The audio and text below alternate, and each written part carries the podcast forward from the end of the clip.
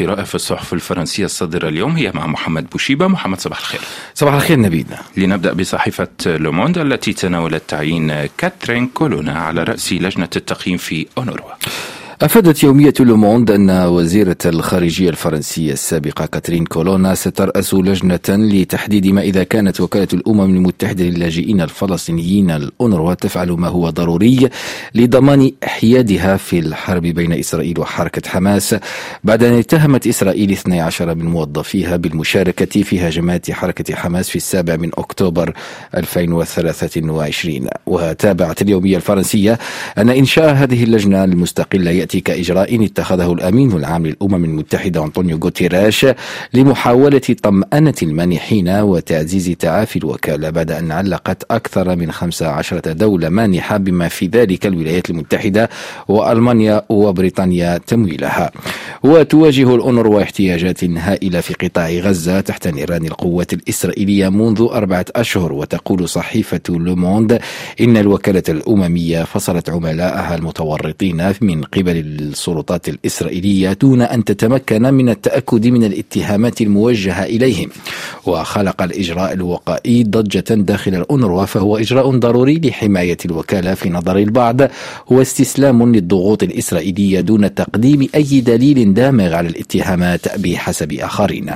وأفادت يومية لوموند أن السويسري فيليب لازاريني المفوض العام لوكالة الأونروا دحض في مناسبات عديدة الاتهامات الإسرائيلية بالتواطؤ مع حركة حماس الناس ومع ذلك فإن اللجنة الجديدة ليست مسؤولة عن التحقيق المباشر في الاتهامات الموجهة ضد موظفي الأونروا الاثنى عشر وهي مهمة يتم التعامل معها بالتوازي مع من قبل مكتب الأمم المتحدة لخدمات الرقابة الداخلية ومن المتوقع ظهور النتائج الأولية لهذه التحقيقات في غضون أربعة أسابيع.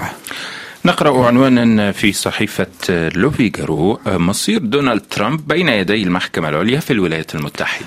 تقول صحيفة لوفيغارو إن من المقرر أن تصدر المحكمة العليا في الولايات المتحدة واحدا من أكثر الأحكام السياسية في تاريخها حيث ستقرر ما إذا كان أحد التعديلات الدستور الأمريكي التي أدخلت في حقبة الحرب الأهلية يمكن تطبيقه على دونالد ترامب. وتابعت اليومية الفرنسية أنه من المقرر أن يستمع القضاة التسعة في أعلى محكمة في الولايات المتحدة إلى المرافعات الشفوية في قضية ترامب ضد أندرسون يوم الخميس وسيتعين عليهم تأكيد أو عدم تنحية الرئيس السابق بسبب مشاركته في تمرد السادس من شهر يناير 2021 وأوضحت لوفيغارو أن الشكوى تم تقديمها في كولورادو من قبل منتخبة جمهورية سابقة نورما أندرسون التي استندت إلى التعديل الرابع عشر للدستور لمنع الرئيس السابق من الترشح في الانتخابات التمهيدية لحزبها في تلك الولاية.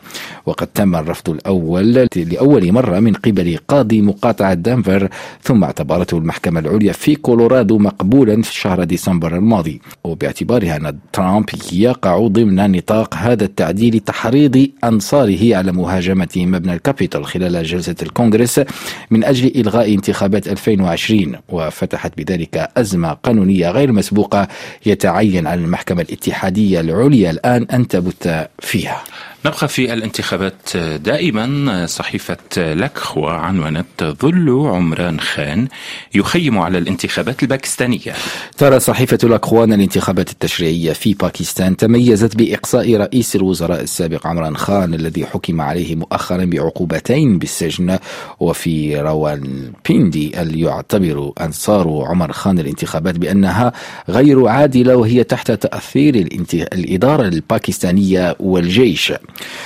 ونقلت يومية الأكوان مؤسسة جالوب لاستطلاعات الرأي ومقرها الولايات المتحدة فإن ثلثي المواطنين الباكستانيين لا يثقون في نزاهة العملية الانتخابية والإدارة. كما يعتقد 88% من السكان أن الفساد منتشر على نطاق واسع في الحكومة. ويشير المحلل السياسي زهدان حسين إلى أن موجة القمع دفعت أغلبية المرشحين إلى الترشح تحت راية مستقلة وحتى لو فاز أحدهما بالتصويت فلن يتمكن من تشكيل الحكومة لأن الحزب المستقل غير معترف به للجلوس في البرلمان وأيا كانت النتيجة فإن شرعية المجلس الجديد أصبحت موضع شك بالفعل.